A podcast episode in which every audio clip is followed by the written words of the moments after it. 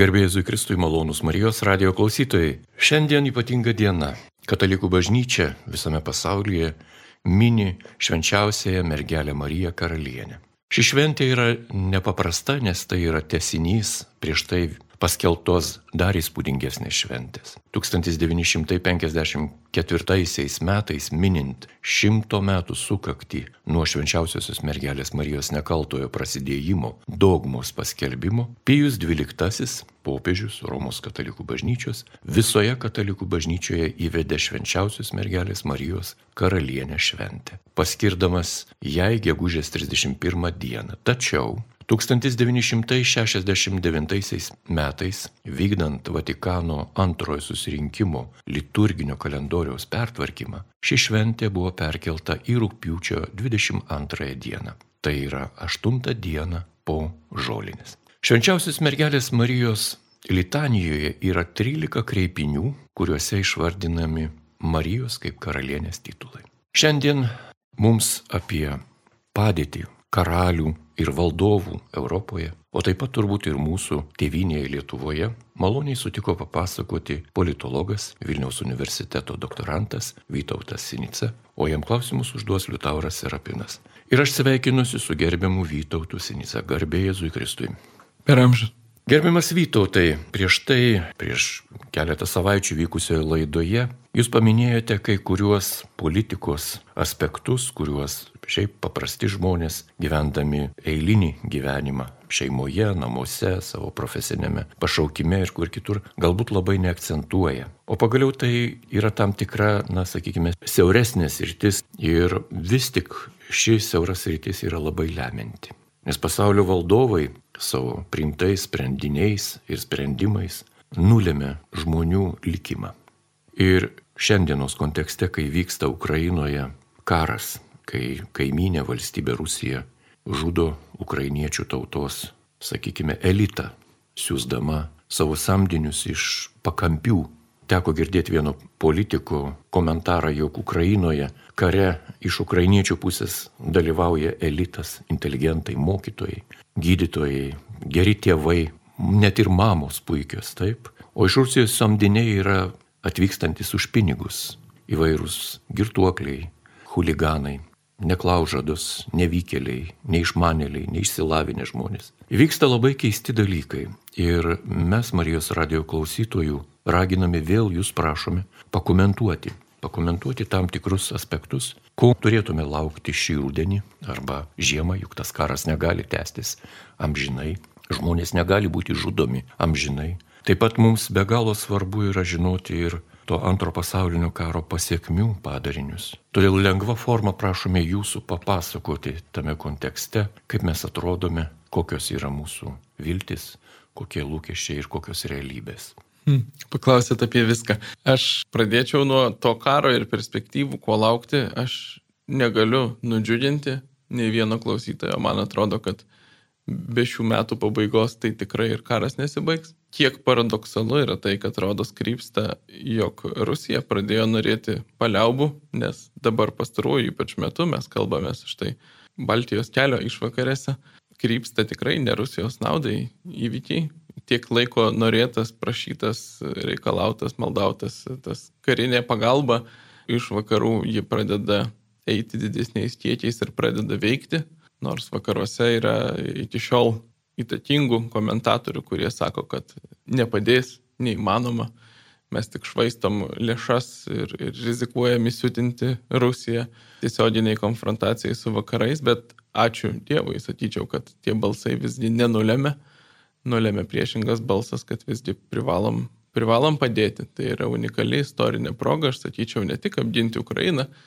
kas yra savaime verta ir teisinga, bet ir, na, baisiai nuskambės, sunaikinti Rusiją kaip imperiją. Rusijai, kad ji būtų taiki ir kad galėtų gyventi su kaimynais ir pati su savim, jai reikia tapti tiesiog valstybė, nacionalinė valstybė. Kol ji bus imperija savo sąmonėje ir savo galingume, tol jinai niekada neleis nei kitiems, nei pati savo ramiai gyventi. Tai štai dabar dėl tos pagalbos stipriau plūstelėjusios į Ukrainą ir pasiekusios frontą, mes matėm turbūt visi, ar bent girdėjom apie įvykius Kryme, kaip iš ten dabar masiškai bėga rusų turistai, norėję taip nesažiningai, kai Ukrainoje vyksta karas, jų pačių sukeltas e, gyventi lik nieko nevyksta ir lik viskas gerai. Tai štai dabar tų pokyčių kontekste pati Rusija tarsi norėtų paliaubų, įtvirtinti tai, ką turi, neprarasti ten, tarkime, Hersono, kurį galėtų šiaip jau prarasti pagal tai, kaip dėliojasi situacija fronte. Ir bet kuriuo atveju Rusija tikisi, kad e, jos turimi svertai energetikoje, jos galimybė užsukti dujas Europos šalims, kuriams jas tiekia, e, Lietuva čia išsiskiria, mes galėjom savo ramiausiai atsisakyti paskelbti, kad nieko iš Rusijos neperkame energetikos rytyje, nes mes ir taip neperkam. Bet dauguma vakarų šalių labai priklausomos ir joms tikrai yra baisu, kas bus žiemą. Ir jos turės kuo šildytis. Jos, žinom, dabar jau ES teikia rekomendacijas mažinti šildymus, mažinti kol kas, kol vasara, tai kondicionavimus, žodžiu, taupyti energiją. Ir aišku, kad tam postmoderniam prie gero gyvenimo įpratusiam europiečiui tai yra sukrėtimas. Kas čia per grįžimas į 20 amžiaus vidurį, kai reikia taupyti. Taupyk šviesą dažnas mano karto žmogus kaip juoka kokį sakydavo, o dabar tai tampa labai realu ir apčiuopiama. Tai žodžiu, Rusija yra suinteresuota, kad testusi ir jinai ieškos būdų tą pratesti, jinai deda viltis, kad vakarai neišlaikys žiemos tom pat karo ir nutraukto energijos tiekimo sąlygomis. Aš visgi manau, kad šita taktika nepasiteisins ir kad nors karas tikrai dabar greitai nepasibaigs, aš manau, dar gerą pusmetį tai gali tęstis tikrai, bet jis, jis baigsis geruoju. Nepaisant to, kad bet kuriuo atveju aukų, kančių ir siaubą mes pamatėm tame begalę ir kiekviena diena atneša dar, bet, na, aukos ir kančios gali būti prasmingos arba beprasmės. Norėtųsi, kad jos būtų prasmingos ir tiems, kas ėjo, nes aišku, daug ką užklupo karas ir, ir mirtis netikėtai be pasirinkimo. Bet visus tuos, kas ėjo į tą karą, tai ėjo su mintimi apginti savo tėvynę ir, ir tą tikslą reikėtų pasiekti. Aš manau, kad jis yra realus, bet iki jo dar užtruks. Tie, kas galvoja, kad čia galėtų baigtis labai greitai, tai dabar nėra pagrindo taip galvoti. Malonus radio klausytojai šiandien apie politinę padėtį Europoje ir mūsų valstybėje mums pasakoja politologas Vytautas Sinica. Jį kalbina Liutauras Serapinas, na ir mes pradėjome nuo liturginės šventės, kuri yra švenčiausiai mergelė Marija Karalienė. Šiandien mes ją minime. Taip pat paradoksaliai skamba, Marija nėra politikė, Švenčiausiai Dievo motina niekada ne, neatstovavo jokiai politiniai organizacijai ar kokiai grupuotėjai, niekada nebuvo valdovė, bet ji šiandien yra tituluota dangaus karalienė. Dangus tai mūsų vilties, mūsų tikėjimo, mūsų ateities ženklas ir mes jį priimam savotiškai. Paradoksaliai skamba savo dangiškąją motiną vadiname karalienę, tuo titulu, kuris čia žemėje skelbia, viešina karalius, kurie tikrai yra sukėlę daug karų. Ir šiandien karo fone norisi dar paklausti jūsų vytautai, na, tokių moralinių dalykų. Jie galbūt politikams taip pat yra be galo svarbus, o galbūt net ir vieni iš svarbiausių. Mes matome ypatingą neteisingumą. Valstybė, kuri neturėjo jokių teisių į kitą valstybę, tiesiog šiuo metu ją fiziškai naikina. Sprogdina raketas, naikina miestus, gamyklas, gyventojų, ūkius, namus, vagia grūdus, vagia visokias priemonės, apvaginėja uždarytus būtus, žudo žmonės, taip pat ir civilius. Ir visa tai vyksta. Negi pasaulis toks yra suvargęs ir toks, na kaip čia pasakyti, bejėgis. Na, neleisti tokiems dalykams vykti 21-ame amžiuje. Moralinis klausimas. Kodėl leidžiame piktavaliui žudyti nekaltą žmogų kitą, prisidengiant karų kokiais kitais politiniais motyvais.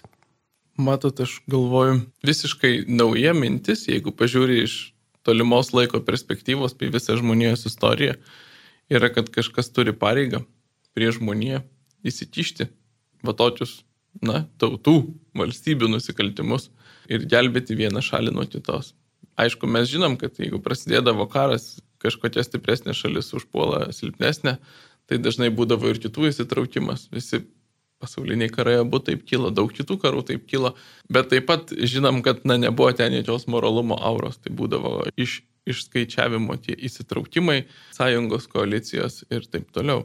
Įsikišimas tam, kad būtų nutraukti nusikaltimai yra, na, faktiškai aš sakyčiau, netgi net ne po antro pasaulinio karo, o 20-21 amžiaus sandūros idėja kad, kad štai egzistuoja tokia atsakomybė. Ir aš sakyčiau, kad gal galima pritemti kokį pavyzdį, bet šiaip iki šiol neegzistavo faktiškai jo įgyvendinimai.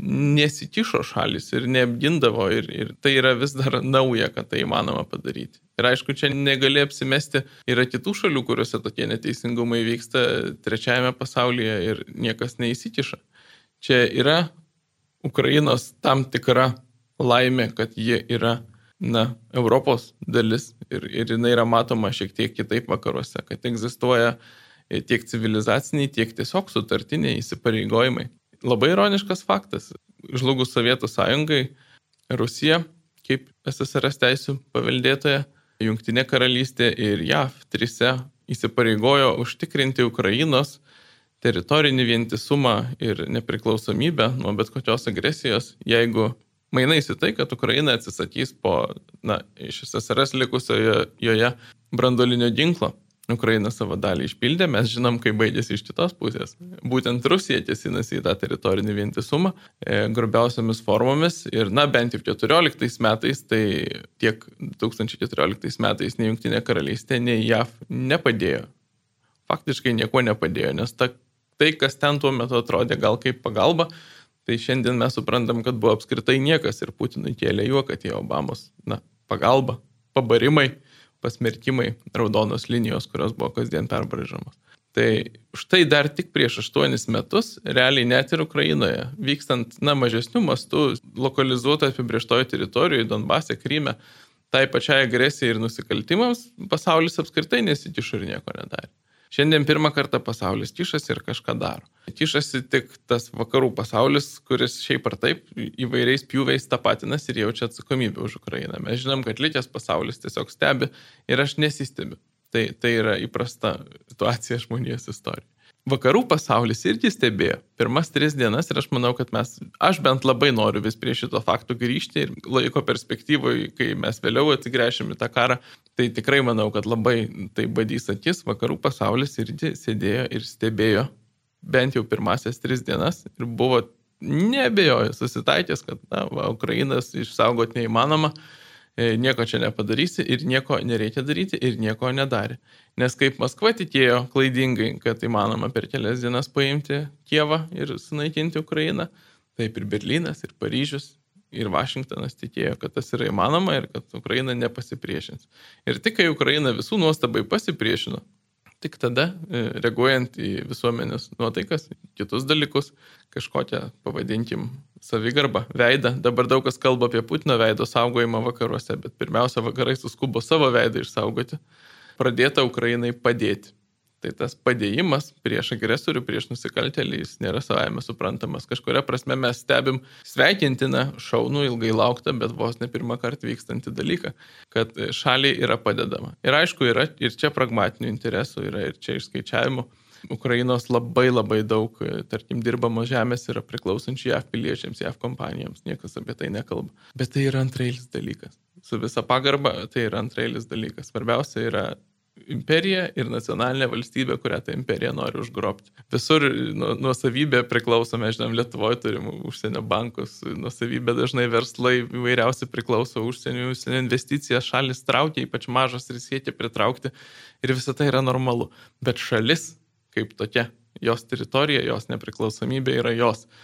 Ir tie visi veiksniai, na, jie nėra lemiami. Ir čia, jeigu jau galiu dar truputį šitoje vietoje, tai norisi atsigręžti vis dėlto į antrą pasaulinį karą, kai įvyko, nesakyčiau, buvo užprogramuota fundamentali neteisybė, galbūt giliausia neteisybė e, persiunčianti mus štai jau daugiau negu 70 metų, tai yra tas skirtingas vertinimas nacijų ir sovietų, komunizmo ir nacionalsocializmo. Nacijai buvo teisingai pagristai pripažinti nusikaltėliais prie žmoniją, nusikalstama ideologija, holokaustas baisiausių žmonijos istorijoje nusikaltimų. Visa tai teisinga. Bet viskas buvo padaryta labai akivaizdžiai tiesiog nugalėtojo teise, stipresniojo teise. Nürnbergas įvyko prieš nacius todėl, kad nacijai pralaimėjo. Jeigu nacijai būtų laimėję, nieko panašaus nebūtų buvę. Ir tą mes geriausiai matome ant Sovietų sąjungos, kuri laimėjo ir nepaisant visų milžiniškų jos nusikaltimų, jai jokio teismo, jokio pasmerkimo, jokio teisingumo paieškos niekada nebuvo. Mes žinom, kad antrą pasaulinį karą užbaigusios konferencijos - Jalta, Potsdamas, Teheranas jos visos iš esmės skirtingų mastų numatė nugalėtojų dalybas, kaip nugalėtojai dalinsis pralaimėtojus, tarpinės tas teritorijas ir taip toliau. Aš dabar tiksliai nepasakysiu, ar žinojo, baigiantis antrajam pasauliniam karui, e, vakarų sąjungininkai apie Molotovo-Ribbentropo pakto turinį, protokolus ir tai, kaip faktiškai iš tikrųjų Rusija su, su Vokietija planingai ir kaip broliai pradėjo tą antrą pasaulinį karą nebejoju, kad šiaip ar taip žvalgybos turėjo tuos dalykus neviešumoje žinoti. Bet viskas Sovietų sąjungai buvo atleista tiesiog todėl, kad jie buvo nugalėtojai, tiesiog todėl, kad jie turėjo jėgų, e, be kurių galbūt tie nacijai ir nebūtų buvę nugalėti. Ir, ir tas tęsiasi iki šiol. Sovietų sąjunga visada, kaip čia pasakius, važiavo ant to neteisingumo, ant to, tos jiems duotos dovanos, tokio atleidimo, bet gailos kas šiaip yra fundamentaliai klaidingas ir blogas dalykas - atleidimas be atgailos. Tai, tai štai šiandien Putino elgesys, na ne tik šiandien, tuos 20 metų, kuriuos jis buvo Rusijos valdžioje, jis yra tiesioginė tasa to nebaudžiamumo ir to įsivaizdavimo, kad Sovietų sąjunga yra šalis, kuri ir po to Rusija, kuri aš manau bent jau Kremliaus elito sąmonėje, tai yra na, beveik tą patus dalykai. Tiesiog dėl istorinių aplinkybių teko persivadinti ir truputį susipaprastinti, bet iš esmės jie jaučiasi turintys pareigą atkurti tą pačią Sovietų sąjungą. Kaip istorinį teisingumą, tai štai jie jaučiasi ir turintys tą pačią Sovietų sąjungos nebaudžiamumo aurą. Ir, ir ta nebaudžiamumo aura juos drąsino, drąsino iki šiol, iki 22 metų vasario. Malonus Marijos radio klausytojus girdite laidą, kurioje politologas Vytautas Sinica pasakoja apie dabartį Europoje, karo apimtoje Europos Ukrainoje ir norisi jo klausti. Jūs paminėjote 1939 m. rūpjūčio 23 dienos pasirašytą taip vadinamą nepolimo sutartį tarp Vokietijos ir Sovietų sąjungos, vadinamą Ribbentropo-Molotovo paktą, bei Vėliau visuomenė pasiekusius slaptuosius protokolus, kurie buvo pridėti prie šios sutarties. Politiškai žiūrint, tuo metu galbūt tai buvo tam tikri sprendimai, kuriuos vieni palaikė, kiti ne. Bet jeigu kalbame apie šių protokolų pasiekmes. Antras pasaulinis karas, kaip vadina rytai, arba tėvynės didysis karas, kaip vadina Rusija, arba dar kitaip įvairiai vadinamas šitas pasaulinis karas, jis baigėsi 45 metais, bet dalyje Europos valstybių šis karas tęsiasi dar ir toliau, galima sakyti, iki 70-mečio pradžios. Buvo represuojami žmonės, buvo tardomi, buvo areštuojami, buvo tremiami, buvo žudomi netgi, buvo kovojama kaip tiesiog karo e, fronto laukia. Ir Lietuva yra viena iš tų valstybių, kuri liudija apie tai kad karas jai nesibaigė tuo metu ir karo pasiekmes toliau vyko. Ir tuo metu mūsų, na, tokie galimybės, politiniai instrumentai ir, žinoma, ir fiziniai apsiginti buvo labai menkus. Kaip šiandien galėtume įvertinti tą neteisingumą, kurį patyrė Lietuva, Ir ne vien Lietuva, Latvija, Estija, čia galima daug valstybių išvardinti. Ir Moldova arba jos teritorijoje esantys žmonės, ir Lenkijos teritorija, ir Baltarusijos teritorija, ir Ukrainos teritorija. Kaip mes galime įvertinti tokį na, padarinį, kuris tiek ilgai tęsiasi atvirų smurtų ir pasaulio demokratija negalėjo to sutvarkyti, už, apginti mus, apsaugoti. Kaip politikai žiūri į pasiekmes šių protokolų ir būtent Lietuvoje, Lietuvos valstybės likimo istorijoje? Žinot, trumpai neįmanoma turbūt apibendrinti, kaip įvertinti. Mes suprantam, kad tai buvo, na, koks čia žodis tinka, nusikaltimas, neteisybė. Žmonijos istorijoje aš labiau žiūriu į tai, kad iki šiol yra gyva kova ir takos, tai yra praraja faktiškai Europos sąmonėje tarp vidurio rytų Europos ir vakarų Europos vertinant tuos įvykius.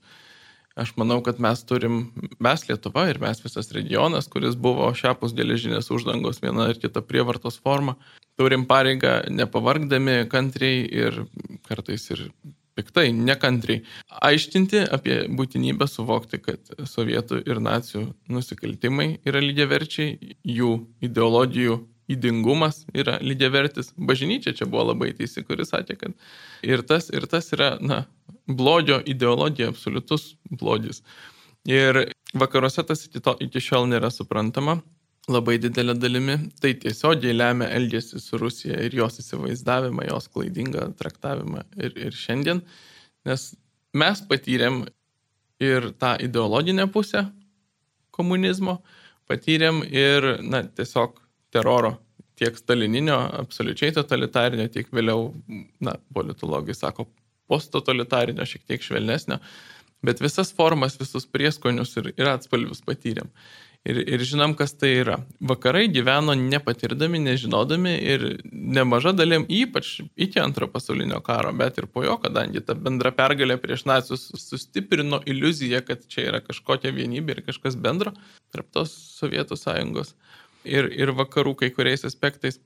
Jie gyveno ypač tarpu karių įsivaizdavimu, kad, na, kas kelbė Rusijos propaganda, tai tam yra daug tiesos. Yra ten spalio revoliucija atnešė lygybės, demokratijos idealus ir, ir išlaisvinimą moterų, kas buvo jau tuo laiku tokia patraukli revoliucinė idėja. Ir po to mes matėm, kaip e, pokario vakaruose, 70-metį, vadiname 68-ųjų revoliuciją, jie ėjo su sovietiniam vėliavom, su komunistiniais šūkiais ir žavėdamiesi marksizmu, na, įvairiausiamis formomis. Net jeigu Staliną galiausiai pasmerkė tiek Sovietų sąjunga, pati nu, destalinizacija įvyko, tiek ir vakarai. Tai ten, tarkim, Leniną buvo galima įsivaizduoti vakaruose kaip kažkokį idealistą, kuris gal, kuriam gal nepavyko, gal buvo nesuprastas. Arba Marksas irgi, na, amžinas ir iki šiol kairiųjų kartojimas, kad tai buvo gera teorija, tik tai praktikoje nepavykus. Na, nepavykusi todėl, kad tai bloga teorija iš principo negali pavykti. Tai štai tas lūžis, ta, ta praraja atminti, mes turim pareigą iki šiol ir turbūt karo akivaizdu jinai tik stiprėja, vis dėlto aiškinti, aiškinti, aiškinti, kad tai yra na, dvi to paties medalio pusės - nacizmas ir, ir bolševizmas, komunizmas. Yra bandymų, yra bandymų, kurie tarsi rodytų, kad įmanoma. 2008 metais buvo Europos parlamente pasirašyta rezoliucija, kuri, na, skelbė vienareikšmiškai ir vadinasi ES vardu, skelbė, kad apie lygų vertinimą šitų režimų ir šitų nusikaltimų, apie būtinybę tą daryti. Bet žinot, kai būna su rezoliucijom, jos parašomos ir po to vis tiek gyvena tik stalčioje, ne kasdienybė ir ne, nei visuomenių, nei politikų sąmonėse. Visuomenių ir politikų sąmonėse vis tiek tai niekaip netampa lygiaverčiais dalykais. Aš nenorėčiau leistis į mirties matematiką.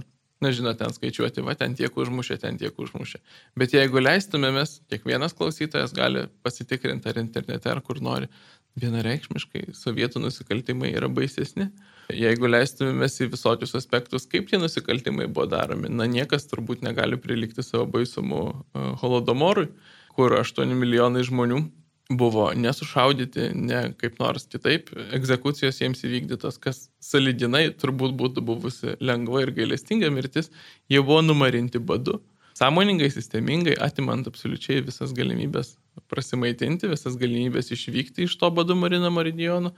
Ir ten poros metų bėdi milijonai žmonių išmirė badu sunku įsivaizduoti kažką baisesnio. Ir visa tai yra sovietų nusikaltimai, kurie, na, kažkokiu būdu per kažkokią kreivą prizmę yra išplaunami ir sumažinami, įsivaizduojant, kad, na, kažkuo tai yra mažiau blogai. Nėra.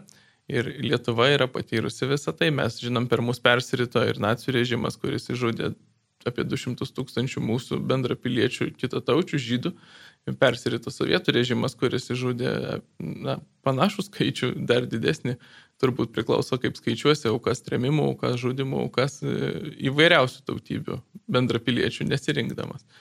Ir šitas suvokimas, jis, na, aš manau, Lietuvos visuomenė, bent jau ta dalis, kuri nebuvo pasidavusi sovietizacijai ir dabar atitinkamai vaikai tų, kurie nebuvo pasidavę sovietizacijai. Tai turi to tokio atsparumo ir blaivaus regėjimo vis dėlto, kas, kas tai yra ir, ir abu tuos režimus. Ir Lietuva kaip valstybė savo viduje turi puoselėti šitą suvokimą per švietimą, per viešą atmintį, per, per medijas, LRT ir visos kitos programos turėtų, turėtų dėtis į samoningas pastangas ir su valstybės parama skleisti tą suvokimą vis dėlto, kas tai yra e, sovietai, kas per blogis yra komunizmas, kaip, kaip ir kodėl vis dėlto tai yra lygiaverčiai dalykai su nacizmu, tik įgavę skirtingas formas ir, ir taip toliau. Ir tada, būdami tokia visuomenė, puoselėjančia šitą suvokimą ir šitą atmintį, mes turėtume ir galėtume tą skleisti ir, ir pasauliu. Ir mūsų neišvengiamai būtinai vakarai privalo būti mūsų partneriai. Mes jokių kitų partnerių neturim ir negalim turėti, tiesą sakant. Čia apimant ir visą mūsų vidurio rytų Europos regioną. Pasaulio prasme jie irgi yra vakarai. Jiems visiems mes turim padėti suvokti tą tiesą, nes čia nėra, aš nenoriu būti relativistas ir nenoriu leisti kitiems jais būti. Čia nėra nuomonės klausimas. Čia nėra, kad vieni vienaip supranta, kiti kitaip supranta. Čia yra tiesa, kurią mes dėl skaudžių istorinių aplinkybių dėja žinome. Mes žinome, kas yra komunizmas ir mes žinom, kas yra Rusija. Vakarai dėl savo laimingų istorinių aplinkybių nežino. Mūsų pareiga yra jiems paaiškinti, o ne gerbti vienas kitos skirtingas nuomonės. Čia nėra nuomonės klausimas. Tęsime pokalbį su Vytautu Sinica ir norisi paliesti dar vieną temą, kuri Lietuvoje, nežinau kaip, man susidaro įspūdis, kad jie yra sąmoningai na, nutilima, o galbūt net vengiama arba blokuojama. Tai yra mūsų pietinių kaimynų, Lenkijos valstybės veiksmai ir karo fone, kai Rusija yra užpuolusi Ukrainos e, valstybę. Mes matome, jog Lenkija ginkluojasi, Lenkija ruošiasi karui tai daro nuosekliai, atkakliai. Mes matome, jog Lenkija yra tikrai stipri savo ekonominė gale, potencialais ir kuo kitų. Ir mes žinome iš savo patirties, kad ateizacijos ir na, okupacijos laikotarpyje lietuviai visą laiką buvo priešinami prieš Lenkus. Tai buvo daroma ir parapijinėje veikloje, bažnyčiose, tai buvo daroma ir kultūriškai, ir, ir inteligentų tarpe, net meno srityje buvo visur ieškoma kažkokio sukiršinimo, supriešinimo, išprovokavimo, nepasitenkinimo arba priešiškumo tarp lietuvių ir lenkų. Kokia padėtis dabar yra Lietuvos ir Lenkijos bendradarbiavime? Aš manau, pagerėjusi. Šiaip pirmiausiai pasakyčiau, negalim apsimesti mūsų su Lenkija paskutinių 200 metų po abiejų tautų respublikos padalymo. Istorija yra daugiau įtampų ir nuoskaudų istorija. Tikrai yra daug, koks tas posakis, blogo kraujo. Na, daug nuoskaudų, daug dėl ko pykti galima, arba galima tuos dalykus įsivardinti, išsiaiškinti, išsikalbėti ir eiti toliau. Aš manau, kad tas nėra tinkamai padaryta ir iki šiol yra daug to. Palikta pretekstų konfliktų kiršinimams, bet kuriuo atveju yra svarbesni dalykai. Ir Rusija, geopolitinis grėsmės, karo grėsmės yra tas svarbesnis dalykas. Ir labai teisinga yra, tiesą sakant, Lenkija pirmoji susiprato šitoje srityje. Turbūt ne vienas atsimena, pastarai dešimtmetį nuolat vykdavo, čia buvo ir, ir, ir Kirkilo, ir Kubiliaus, ir po tos kvernelio nuolatinės pastangos, kad čia reikia Lietuvos lenkakalbėms teisų, ten paso įrašų, taip toliau. Ir patys važiuodavo, patys žadėdavo Lenkijai iš tuos dalykus patys po to netesėdavo, nes nei Seime, nei visuomeniai pritarimo tam nebūdavo, tai kam tu žadi? Tikrai žinau, kad iš Lenkijos pusės, ypač nuo tada, kai dabartinė valdžia Lenkijoje atėjo, na, tapo valdžia, Kačinskio partija, jie nutraukdavo šitas lietuvių kalbas ir sakydavo, žiūrėkit, čia antrailiai dalykai. Kalbėkim apie regioninį saugumą, apie tai, kad būtų daugiau NATO, daugiau JAV pajėgų pas mus, kad būtų daugiau oro gynybos, kad būtų... Kalbėkim apie tai, kas yra svarbiausia. Ir mums nesisekė kažkaip kažkodėl susivokti ir, ir eiti paskui iš to vietai.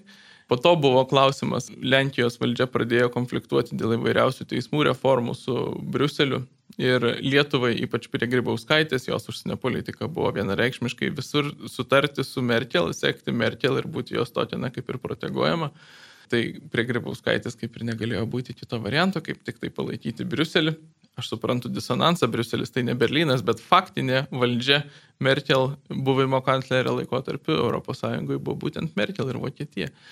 Tai, tai čia tas būdavo nepalaikymas Lenkijos, Gitanas Nausėda pradėjo daugiau palaikyti Lenkiją, nors aišku irgi Lietuva nėra suinteresuota kategoriškai stoti kažkuria viena pusė, bet tiek teisybė yra Lenkijos pusė, tiek mūsų geopolitinis interesas yra Lenkijos pusė. Tai geriausia būtų, kad tie konfliktai baigtųsi, mano galva, iš Europos komisijos pusės, va čia irgi yra kaip kažkada iš Lietuvos pusės nesuvokimas, kas yra svarbu, o kas yra antrailiai dalykai dabar yra kalamas toks pleištas tarp Lenkijos ir, ir, ir Briuselio, tarp Europos komisijos dėl teismų ir ne tik dėl teismų, ten dėl kasyklų pasienyje su Čekija, kur yra visiškai selektyviai atsirinkta palaikyti ne Lenkiją. Užkrautos jai milžiniškos baudos, bijau sumeluoti, ar ne po pusę milijono eurų kiekvieną dieną už tai, kol tos kasyklos veikia, pamiršau jų pavadinimą. Ir, na, Lenkijos visuomenėje visiškai pagristai yra toks jausmas, kad ji yra na, tiesiog polama. Šiandien tai yra ypač blogai, ypač trumparegiška, to neturi būti. O pati Lenkijos valdžia, aišku, jinai daro įvairiausių klaidų ir ten galima ypač ekonominius sprendimus įvairiai vertinti, ar, ar visokios lengvatos pasiteisina, ar jos neatsirūks vėliau. Bet visumoje Lenkija šiandien yra pavyzdingai valdoma šalis ir ypač ką jinai daro geopolitiniu požiūriu. Tiek padėdama Ukrainai, niekas taip nepadeda Ukrainai. Jei pažiūrėtume ne tik į ten karinę pagalbą, kurios aišku niekas negali suteikti tiek, kiek JAV, JAV daugiausiai padeda. Bet jeigu tu pasižiūri į humanitarinę pagalbą, pasižiūri į tuos milijonus, kuriuos Lenkija priemė pas save apgyvendino, mes visi atsimenam, praėjusį dešimtmetį buvo puolama Lenkija už savo požiūrį, kad nereikia priiminėti bėgančių į Europą iš Azijos, iš Afrikos šalių. Ir gal net nuoširdžiai nustebo įvairūs vakarų europiečiai, ypač kairieji, kaip čia dabar ta Lenkija, kuri buvo prieš, dabar jau ukrainiečius masiškai priiminėja. Tas pats su Lietuva, beje, Lietuva irgi buvo bent jau visuomenė labai prieš ir ten ir politikai ne per daug entuziastingai pasitiko tą temą, o dabar mes masiškai priimam ukrainiečius išskėtę rankas. Kas čia vyksta? Išpratėjo tie rytų europiečiai, kaip jiems ten gal vakaruose atrodo. Ir labai charakteringas epizodas buvo visai neseniai, šią vasarą Amnesty International tarptautinė organizacija, šiaip jau sekanti pasaulyje žmogaus teisų pažeidimus, paėmė ir pasakė, be kitų dalykų, jinai labai daug ko skandalingo pasakė. Bet vienas iš dalykų mažiau nuskambėjusių, kuriuos jį pasakė, buvo tai, kad neva selektyviai šio regiono šalis, Valenkija, Lietuva, kitos, selektyviai elgėsi su įvairių kraštų karo pabėgėliais. Suprask, čia yra rasizmas. Ukrainiečius, baltuosius europiečius priima, gelbsti visai kaip jiems padeda, o štai prieš tai bėgančiųjų iš Afrikos, Azijos, dažniausiai islamiškų šalių taip nepriemi. Nors skirtumas čia turbūt kiekvienam paprastam žmogui, mūsų klausančiam tiek Lenkijoje, tiek Lietuvoje yra labai suprantamas. Ukrainiečiai bėga nuo, realiai bėga nuo karo, jie negali užtikrinti savo fizinio saugumo savo gyvenamose teritorijose. Jie bėga į artimiausias kaiminės šalis, dažniausiai ir lieka toje artimiausioje Lenkijoje. Jie, kaip mes jau turbūt matėm, masiškai autobusai važiuoja atgal, skuba sugrįžti, kai tik gali. Jie nori savo šalį apginti, nori savo šalį atstatyti. Trumpai tariant, jie ieško ne geresnio gyvenimo, jie iš tikrųjų bėga nuo karo. Tuo tarpu vėl turbūt visi, ar dauguma suprato, tie, kurie bėgo per pusę pasaulio, ar čia per Lukašenkos tuos bandymus skraidinti per Minską iš Irano, ar per tas ankstesnės bangas 15 metais, kuris vyko per Balkanus, per Viduržėmio jūrą buvo plukdomi žmonės. Na, su visa užuojauta jiems dėl jų ekonominės padėties, tai buvo ekonominiai migrantai. Ir Lenkijos visuomenė ir Lenkijos politikai tą skirtumą labai supranta ir ta visa pagalba Ukrainai šiandien yra, na, man bent jau visiškai ne, nestebinanti, nekontroversiška, o logiška ir akivaizdi, niekaip kitaip ir negalėtume elgtis. Na ir galiausiai tada yra karinis aspektas. Lenkija nesnai paskelbė, kad skirs 5 procentus savo bendrojo vidaus produkto gynybai, ginkluojasi kaip gali, reformuojasi, na ir iš tikrųjų ruošiasi karui. Ir toks bendras jausmas yra, tiesą sakant, reikia suvokti, kad tai yra, na, visapusiškai Ukrainos ligmens valstybė, jeigu mes kalbam apie kaip karinius vienetus. Ir Lenkija jaučiasi, kad jeigu prireiktų, tai ir būtų tas karas ir kariautų jos net buvo įvairūs pasisakymai apie ten, šiek tiek dviprasmiški, bet kad mes galim, mes galim stoti kovą, net jeigu visa NATO nestos. Ir šitas pasiruošimas, aš manau, jis, jis yra labai adekvatus, giliausia prasme adekvatus, nes didžiausia problema dažnai ir šiuo atveju tai tikrai, kalbant apie vakarų reakciją į Rusijos elgesį, yra nenorėjimas priimti, kaip blogai yra. Suvokti to problemos masto Rusijos, na, mes sakytume, beprotybės masto. Kai Putinas pasako, kad pasaulis be Rusijos, tai kam toks pasaulis man jis ir nereikalingas.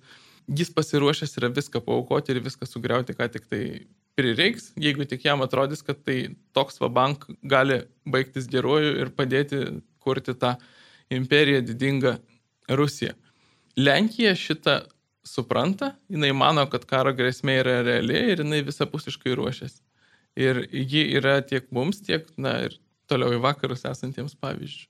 Dėkojame Jums už tam tikrą išvalgą, kuri jau, jau duoda vilties, nes jeigu šalia turime draugą, būtent Lenkijos valstybės asmenyje, kuri nežada sudėti ginklų ir nežada pasiduoti ir nežada leistis manipuliuojama arba valdoma melo ir blogio, tai mums jau atsiranda šiokia tokia viltis. Ir kaip tą viltį galėtume laidos pabaigoje užakcentuoti, ypatingai jaunimui, nes taip pat suprantame, jog jaunoji lietuvių karta lietuvių, kurie ir dirba vakaruose ir čia atveža tą atlyginimą, palieka tėvams ar broliams, sesėms, ar mamoms, vienišoms, ar, ar pažįstamiems draugams, kurie stokoja.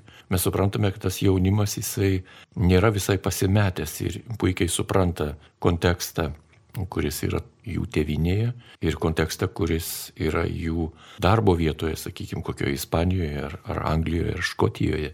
Jiegi supranta tą padėtį.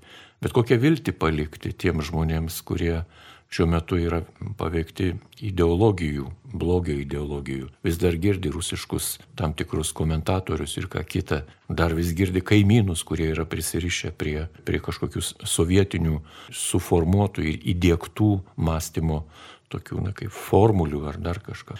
Kaip užbaigti šią laidą viltingai?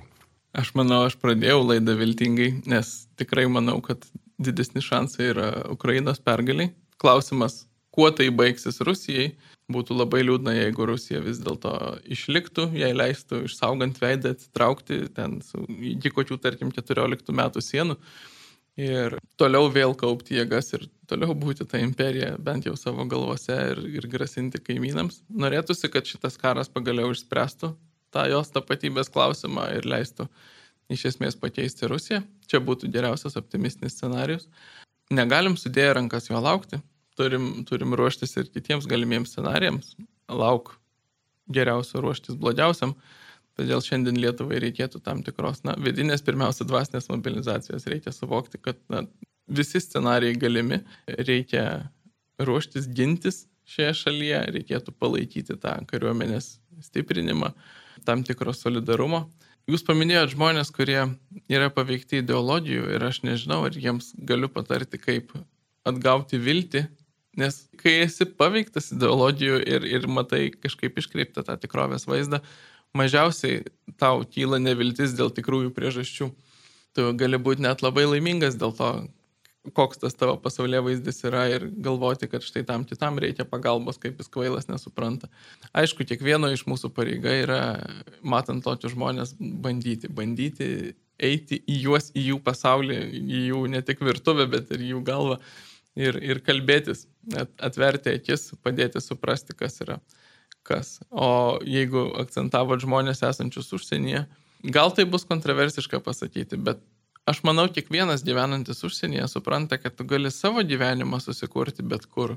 Tu gali susikurti laimę, nežinau, nuo, nuo, nuo Norvegijos iki Pietų Afrikos turbūt. Bet Lietuva kaip bendruomenė, kaip erdvė, kurioje iš tikrųjų būtų lietuvių tauta ir jaustumėsi kaip lietuvis, ne tik kaip tu ten Arūnas Saulis ar Margarita ar bet kas, o kaip lietuviškos kultūros atstovas, kad jaustumėsi ten namie ir tikėtum, kad jį gali išlikti, taip gali būti tik Lietuvoje.